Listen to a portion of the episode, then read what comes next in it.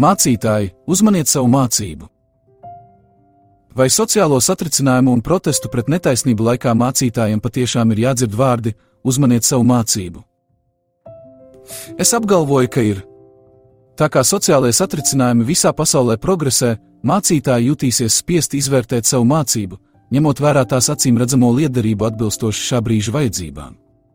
Mēs būsim kārdināti vērtēt savu mācību nevis pēc tās patiesuma, bet gan pēc tās liederības. Mēs pat varam spriest, ka vecās mācības nav noderīgas, jo tās vairs nešķiet atbilstošas mūsu klausītāju vajadzībām. Taču neviena krīze nevar mainīt dieva patiesību vai dieva pavēles. Viņa vārds nemainās un nepazūd atkarībā no laika un apstākļiem. Uzmaniet savu mācību! Laba mācība vienkārši nozīmē Bībeles mācību, tā ir visa patiesība, ko Dievs ir atklājis svētajos rakstos. Skaidra mācība ietver ne tikai vērtīgas patiesības par Dievu, radīšanu, izpirkšanu no grēka un krustā sisto un augšām celto Kristu, bet arī svēto rakstu prasības attiecībā uz grēku nožēlu, personīgo svētumu un Kristus noteiktos noteikumus savai draudzēji. Tādējādi pareiza mācība ir pamats uzticībai Dievam. Veselīga mācība un veselīga ticības dzīve nekad nav pretrunā. Esi nomodā par sevi pašu un par mācību, Turies pie tās, Pāvils pavēlēja Timotejam, jo darīdams to, tu izglābsi gan pats sevi, gan tos, kas klausās tevi. 1. Timotejam 4.16. Dzīve un mācība ir tik nesaraujami saistītas, ka tu nevari efektīvi uzraudzīt vienu bez otras, tās nevar droši nodalīt vienu no otras. Pretojieties viltus mācībai. Jūsu mācībai ir arī jāstājas pret viltus mācībām, kas pašlaik piesaista jūsu ganāmpulku. Viltus mācība nav tikai maldināšana. Tā ir sacelšanās pret Dievu, kas savā vārdā runājas patiesību. Grēks vienmēr ir saistīts ar neusticēšanos Dieva patiesībai. Viltus skolotāji vienmēr uzbruks un sagrozīs patieso mācību. Viltus mācība ir galvenais ienaidnieka ierocis un visu seno un mūsdienu elgdievību galvenais balsts. Draudzē visbīstamākā viltus mācība ir nevis tā, kas noraida kristietību, bet gan tā, kas to apstiprina, vienlaikus cenšoties atjaunot tās sludināšanas aktualitāti un efektivitāti. Liberālisms īstenoja šo programmu 20. gadsimta sākumā, un rezultāts bija postošs. Liberālie kristieši uzstāja, ka kristietība zaudē aktualitāti, turpinot koncentrēties uz vecajām doktrīnām, pat tad, kad modernās zinātnes un vēstures pētniecības sasniegumi bija padarījuši burtisku ticību Bībelē kā racionāli neiespējamu.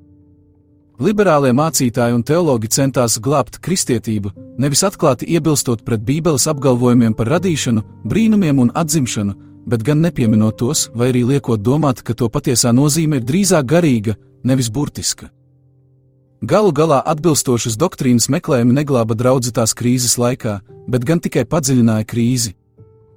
Mācītāji, esiet modri, stingri un ar mīlestību pretojoties viltus mācībām. Māciet visus dieva padomus. Jūsu sludināšanā ir jāiekļauj tās mācības, kuras jums ir kārdinājums izlaist, jo jums ir aizdomas, ka to mācīšana jūsu draudzes locekļiem īsti nepalīdzēs. Tomēr klusēt par jautājumiem, kuros raksti runā, nozīmē teikt, ka neusticamies Dieva patiesībai, lai sasniegtu Dieva mērķus. Atteikšanās runāt par to, par ko runā Dievs, ir sacelšanās, kuras pamatā ir neusticība.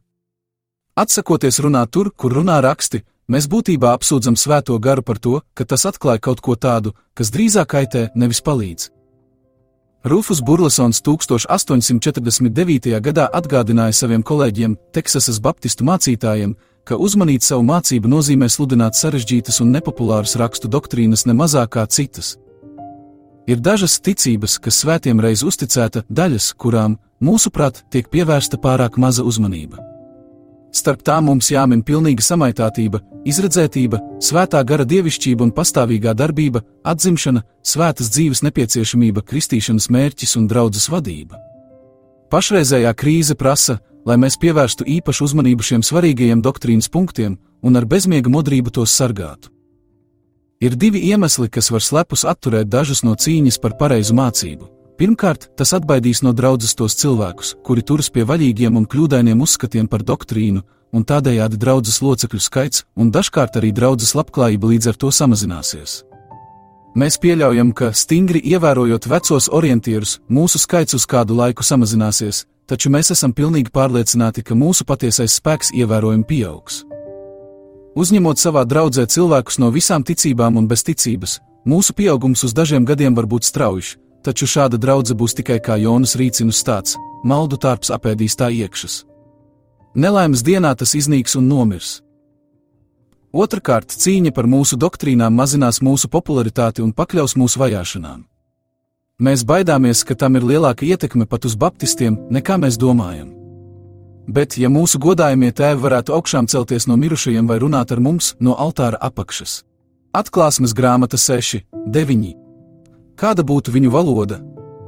Kādi būtu vārdi, ko būtu teikuši valdensieši Rodžers Viljams, Obadja Holmes vai Džons Banjans? Vai mēs nedzirdētu viņus saucam, šo principu dēļ mēs esam cietuši izsūtījumu, pātagas, mietus un dunčus, vai jūs tos pametīsiet nelielu tautas aplausu dēļ? Jūsu atbilde lai ir šāda: Nē, nekad. Dažas dieva patiesības jūsu klausītāji var nepieņemt atzinīgi. Tas nedrīkst jūs atturēt. Sludiniet visu, ko Dievs ir teicis. Nespriediet par Dieva vārda efektivitāti, ļaujiet tam spriest par jums. Dievs prasa, lai mācītājs sludina viņa vārdu, jo mēs uzticamies viņam visā, ko viņš ir sacījis, nevis tāpēc, ka mēs spriežam par viņa vārda liederību. Brāļi, uzmaniet savu mācību!